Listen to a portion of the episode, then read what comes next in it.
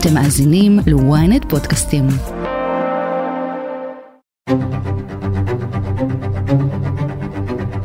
השבוע נפלה באירופה ההחלטה. הפרלמנט ההונגרי אישר ברוב של 188 תומכים מול שישה מתנגדים לצרף את שוודיה לברית נאט"ו ולעשות אותה החברה ה-32 בברית הצפון-אטלנטית. מזל טוב. Az országgyűlés a törvényjavaslatot 188 igen, 6 nem szavazattal tartózkodás nélkül. אבל למה הפרלמנט ההונגרי צריך בכלל לאשר את החברות של שוודיה בברית ביטחונית כנגד רוסיה? ממתי שוודיה ניטרלית בוחרת צד? ואיך המהלך הזה משפיע על סדר הכוחות העולמי באירופה, על התיאבון של פוטין וגם על הקריזות של טראמפ? אני יוסי פישר, וזאת הכותרת. Sweden is set to become the 32nd member of NATO after Hungary's parliament voted Monday to approve its membership. אז במלאת שנתיים למלחמת רוסיה-אוקראינה, זה סוף סוף קורה. שוודיה מצטרפת לנאט"ו לאחר שהיא הגישה את הבקשה לראשונה בפרוץ המלחמה. אבל למה עכשיו? צריך להסתכל על המפה באירופה, בדגש על הונגריה, שעיכבה את ההסכמה שלה למעשה יחד עם טורקיה, אבל היא האחרונה שנשארה מבין השתיים. זו דוקטור ענת הוכברג מרום. מומחית בינלאומית לגיאופוליטיקה, משברים בינלאומיים וטרור עולמי. ענת מסבירה לנו מי המדינה שעצרה את המהלך הזה עד כה. כשההתנגדות ההונגרית הייתה אה, לכניסה של שוודיה, בעיקר בעקבות הביקורת הרבה ששוודיה הטיחה במדיניות ההונגרית הלאומנית, בהנהגה של ויקטור אורבן, ראש הממשלה השוודי, אה, בכלל, נוכח הקשרים שלו עם פוטין, הייתה הרבה התנגדות, הייתה הרבה אה, דינמיקה בין שתי המדינות. כשבפועל המטרה, אני חושבת שהנסתרת, או הפחות גלויה של אה, ויקטור אורבן, הייתה לנסות לסחוט משוודיה איזה שהם הישגים, הסכמות. ואכן, שבוע שעבר הם נפגשו, חתמו הסכם של רכישת מטוסים שוודים ואספקה של יכולות צבאיות להונגריה. אז בעצם הכל הגיע מתוך איזשהו לחץ, כי כאמור ההתנגדות הטורקית נעלמה רק אחרי שארדואן הציב תנאים מסוימים לשוודיה שקשורים למלחמה שלו בכוחות הכורדים וסחר בנשק. פה המצב דומה, ההונגרים סחטו גם הם את השוודים. יש כאן משהו הרבה יותר מורכב, אני ניסיתי לפשט את זה, צריך פשוט לזכור שאורבן הוא החבר, הידיד הטוב של פוטין, יש לו קשרים טובים איתו, הוא גם בתוקף עומד על זה שיש אה, לדרוש הפסקת אש מיידית אה, עם אוקראינה, הוא מבקר את הסנקציות המערביות נגד רוסיה, הוא לא משתתף בהן, זה הרבה הרבה יותר מורכב ממה שעל פני השטח אנחנו רואים. אבל טוב יהיה באמת להגיע לאיזושהי, אה, מה זה טוב, המציאות יותר חזקה מכולם, וגם להצטרפות של אה, שוודיה כמובן יש אה, השלכות אה, גיאופוליטיות ביטחוניות מאוד רציניות על, על נאט"ו ובכלל על אירופה. ענת, אז אולי תסביר לנו איך זה עובד, כי מצד אחד, הונגריה חברה בנאט"ו בעצמה, ומהצד השני גם ידידותית לפוטין. אני מנסה להבין את הדיסוננס, איך זה מסתדר? להיות חברה בנאט"ו זו בעצם צורת ההתנגדות הכי גדולה כנגד רוסיה כיום. זה בעצם לשחק בשני העולמות, בדיוק כמו טורקיה שמג'נגלת או מתמרנת בין העולמות, בין המערב לבין רוסיה. כשהייתי אומרת שהונגריה, חברה של רוסיה, מצד אחד היא אה, עונה על הציפיות של פוטין מצד אחד ולא משתתפת בסנקציות, ובאותה מידה, באותה נשימה היא עדיין אה, משקיעה תקציבי ביטחון וחברה בברית הביטחונית כדי להגן על עצמה, זה כפילות, זה אמביוולנטיות שהמציאות הכל כך הפכפכה היום של, שנת 2024 יכולה, הייתי אומרת, להסביר את זה ואפילו, אה, יותר מזה, אפילו אה, לתמוך בזה, וזה לא, ואכן לא מעט מדינות אכן עומדות על, ה, על חבל דק, אבל במיוחד הונגריה, והייתי אומרת בדגש גם על טורקיה, הן מנסות אה, למקסם את האינטרסים שלהם משני הכיוונים. גם את המטריה של המערב וגם את ה... אה, הייתי אומרת חברות עם פוטין כדי שהוא לא יתקוף אותן ישירות. ויש לזה משמעות מבחינת ההשלכות הגיאופוליטיות על, ה, אה, על מה שקורה, על המדיניות האירופאית וגם כמובן על המדיניות האמריקאית. זה להיות, אה, להחזיק במקל בשני קצותיו ולנסות לצאת, מה שנקרא, בסדר משני הצדדים. Today, the United States, keenly aware of its strategic role as a leader in the free world, has allied itself with other nations, dedicated to the preservation of peace and the welfare of mankind. בואי נצלול לתוך הגוף הזה שנקרא נאט"ו. מה זה אומר חברות בנאט"ו ומה היא מקנה למי שיש לו חברות במועדון?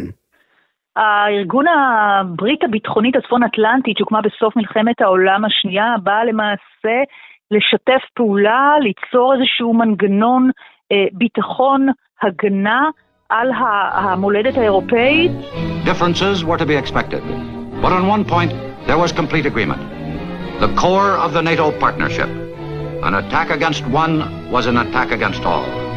In order to live in peace together, all were resolved to defend themselves together if necessary. וככל שנקפו השנים הצטרפו יותר ויותר מדינות, היום מדובר על 31 מדינות לפני כניסתה של שוודיה, מה שאומר שאחת בעד כולם, כולם בעד אחת, והנושא הזה של סעיף 5 בא לומר שברגע שתוקפים מדינה אחת, שאר מדינות הברית מצטרפות להגן עליה כנגד התוקפן. לא בכדי האיתותים של המערב היום כנגד uh, פוטין הם כאלה שאם הוא יעז לתקוף את אחת מהמדינות, בדגש על המדינות uh, מזרח אירופה שנושקות לאוקראינה, בין אם זה פולין או מולדובה, כשהוא כבר איים על כל אחת מהן בנפרד ואכן עשה איזה שהם צעדים ואיתותים, uh, צעדים צבאיים מתקדמים לכיוון, בין אם זה לכיוון הבלטיות, יש כאן אמירה שהיא הרבה מעבר רק להיבט, לממד התקשורתי. יש כאן צעדים אופרטיביים, ולכן ופה אני מכניסה את פולין לתמונה, שהיא בגבול עם בלארוס ואוקראינה, יש להם היום, במיוחד לפולין שהיא ראש חץ יחד עם ארה"ב וגרמניה, אה, את כל האינטרס להציג את נאט"ו אה, בחזית כנגד התוקפן הרוסי. וצריך לזכור שבעבר ברית נאט"ו וברית ורשה מהצד של הגוש הסובייטי היו בעצם משני צידי המתרס ונאבקו אחד בשני, לימים ברית ורשה קרסה יחד עם התמודדות ברית המועצות, ומי שהיום כבר uh, הברית הביטחונית, אולי הייתי אומרת הבולטת ביותר בכלל במפת היחסים הבינלאומיים, נאט"ו, יש לה כוח ומשקל עצום, במיוחד, במיוחד, וכמו שהתחלנו לומר, בהקשר הזה של ההצטרפות של מדינות נוספות שחותרות להצטרף אליה והצטרפו אליה במהלך השנתיים האחרונות. ואיך בעצם מדינה מתקבלת לארגון האמנה הצפון-אטלנטית? ההצטרפות היא קונצנזואלית, 31 המדינות שבפועל כרגע רשומות, פינלנד כבר נכנסה לארגון, הוסכם אה, לפני כמה חודשים שהיא תצטרף לארגון, צריך את הסכמת כולן פה אחד, כדי שחברה תהפוך להיות, אה, כדי שמדינה תהפוך להיות חברת הברית הביטחונית, הסכם שנחתם מיד עם הקמת הארגון. לגופו של עניין, כרגע כשהוסרו המכשולים, הדרך אה, סלולה להצטרפות של שוודיה, וכאן אנחנו צריכים להיכנס באמת למפה הרבה יותר מורכבת של אירופה, שההקשרים כאן הם ביטחוניים וכלכליים מאוד כבדים, ואני ככה מכוונת לכיוון של באמת מה שקורה כרגע עם הכניסה המיועדת או הפוטנציאל המאוד גבוה של טראמפ אה, להיבחר בשנית לנשיאות ארצות הברית, והמשמעות של זה על נאט"ו ובכלל. I have been very, very direct. NATO members must finally contribute their fair share and meet their financial obligations.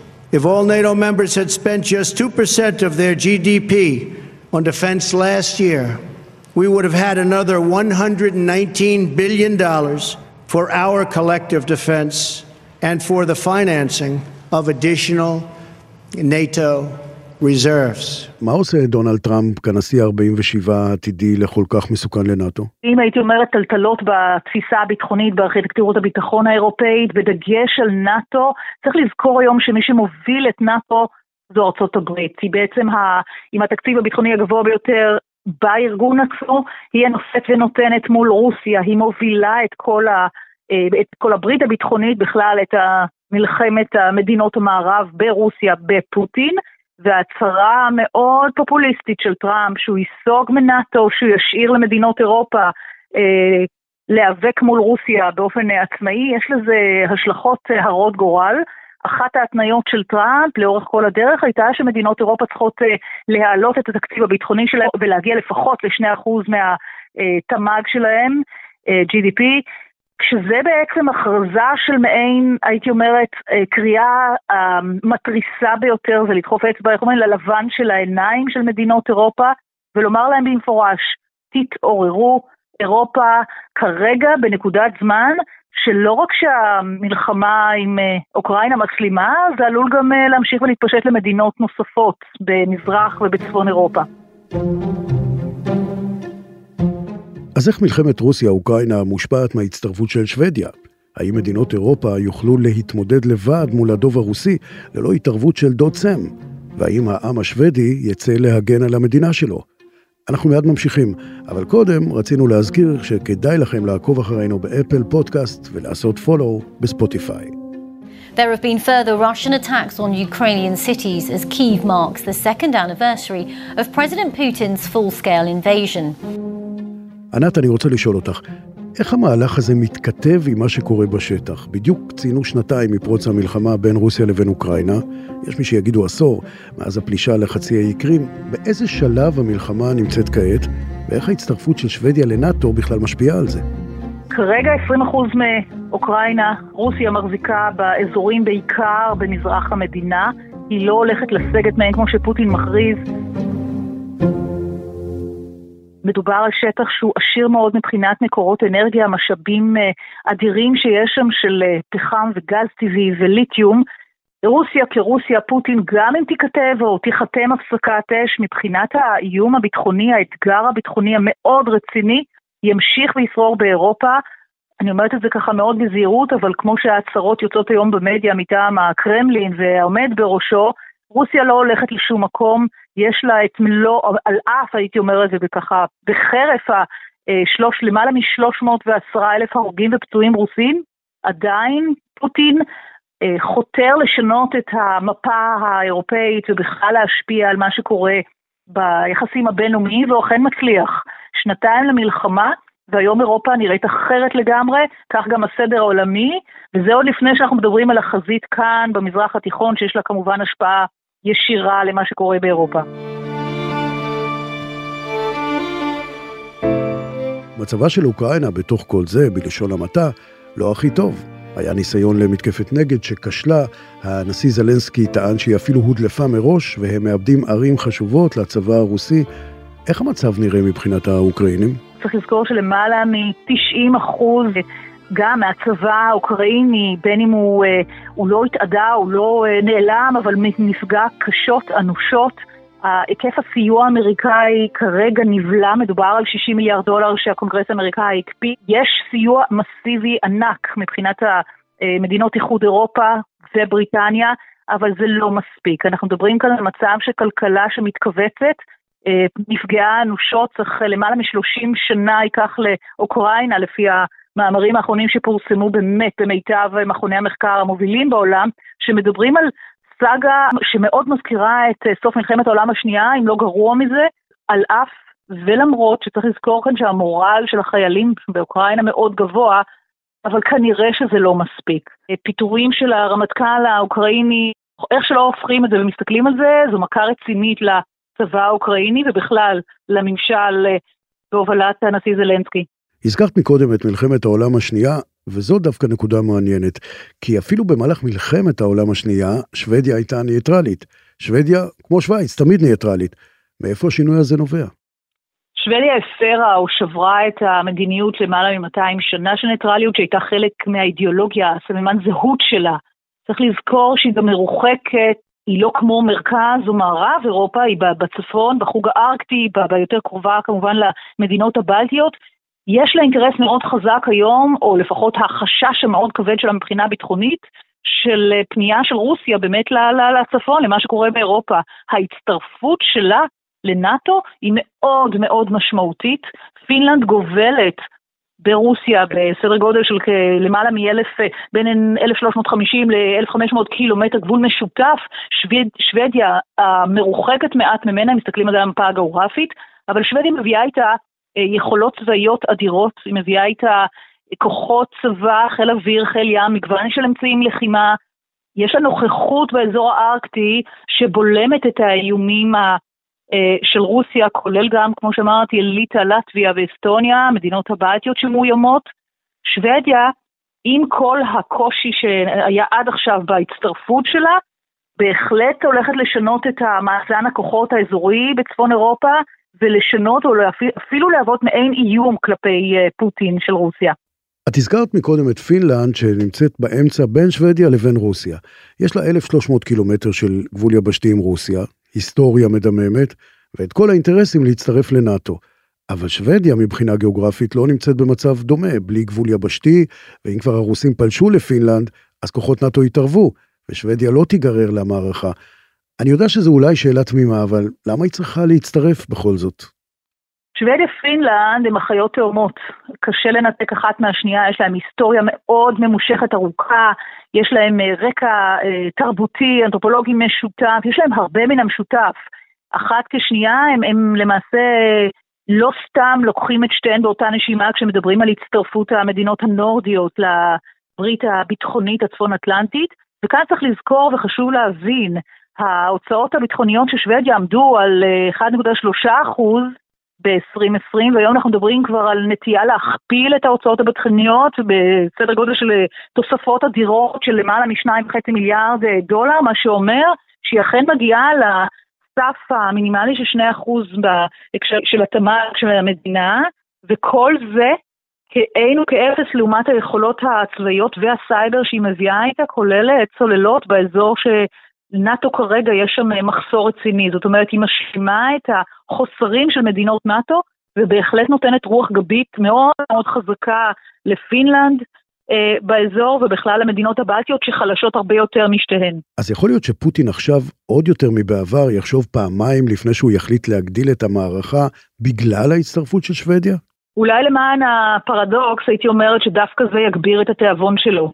זה דווקא יעורר בו את היצר המאוד אה, אה, לוחמני ויעורר בו את, ה, את הרצון, את המוטיבציה דווקא כן לעשות צעדים מאוד נמהרים ולאותת ולאיים ולצאת בהצהרות פומביות שהוא כן הולך לתקוף את המדינות הבלטיות. זה סוג של התרסה שהייתה לאורך כל הדרך, ונכון אמרת קודם, עוד לפני עשר שנים בהקשר הזה של הסיפוח של חצי האי קרים, רוסיה כרוסיה יש לה שאיפות מגלומניות להשתלטות במרחב, לשנות את מפת האזור.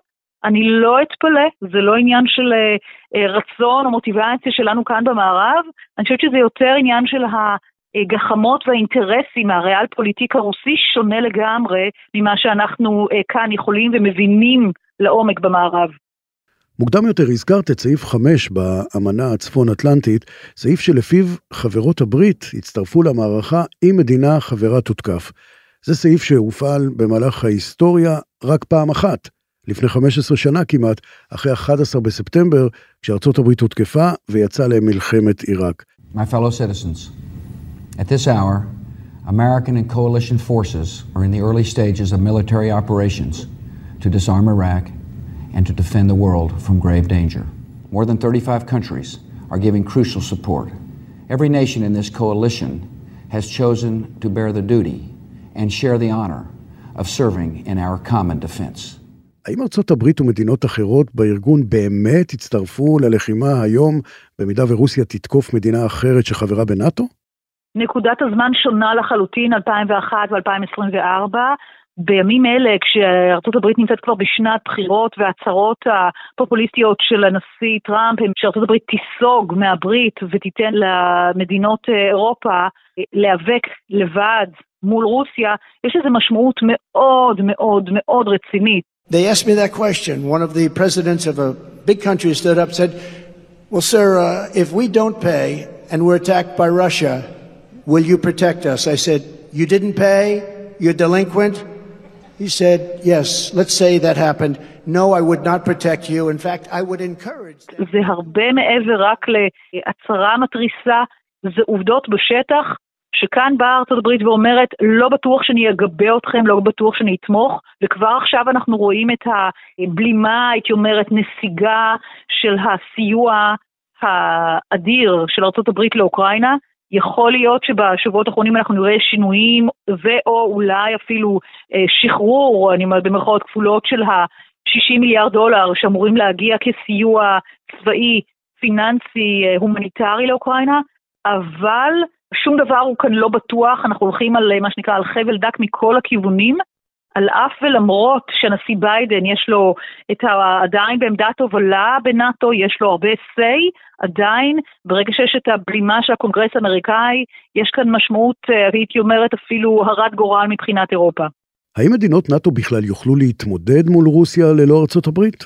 יכולות לעמוד, אבל הייתי אומרת באופן אה, יחסי, אנחנו עושים את מאזן הכוחות, העוצמות כאן, לא בטוח שיש להם את העוצמה הכל כך חזקה מול רוסיה, ואני אומרת את זה בזהירות רבה, כי ארה"ב היא עמוד תווך המרכזי. צריך לזכור שזה לא מדובר רק בכוחות בשטח, אלא גם ביכולות מודיעיניות מאוד עמוקות, בסייבר, בכל מה שארה"ב מביאה איתה מבחינת הארסנל האופרטיבי הצבאי המאוד עשיר, מאוד מגוון שלה, שאף אחת ממדינות אירופה לא מתקרבת ליכולות שלה, וכשהיא נותנת את הגיבוי והיא מגבה את הברית, זה אומר שהיא עומדת מול רוסיה ומדינות אירופה מסייעות לה.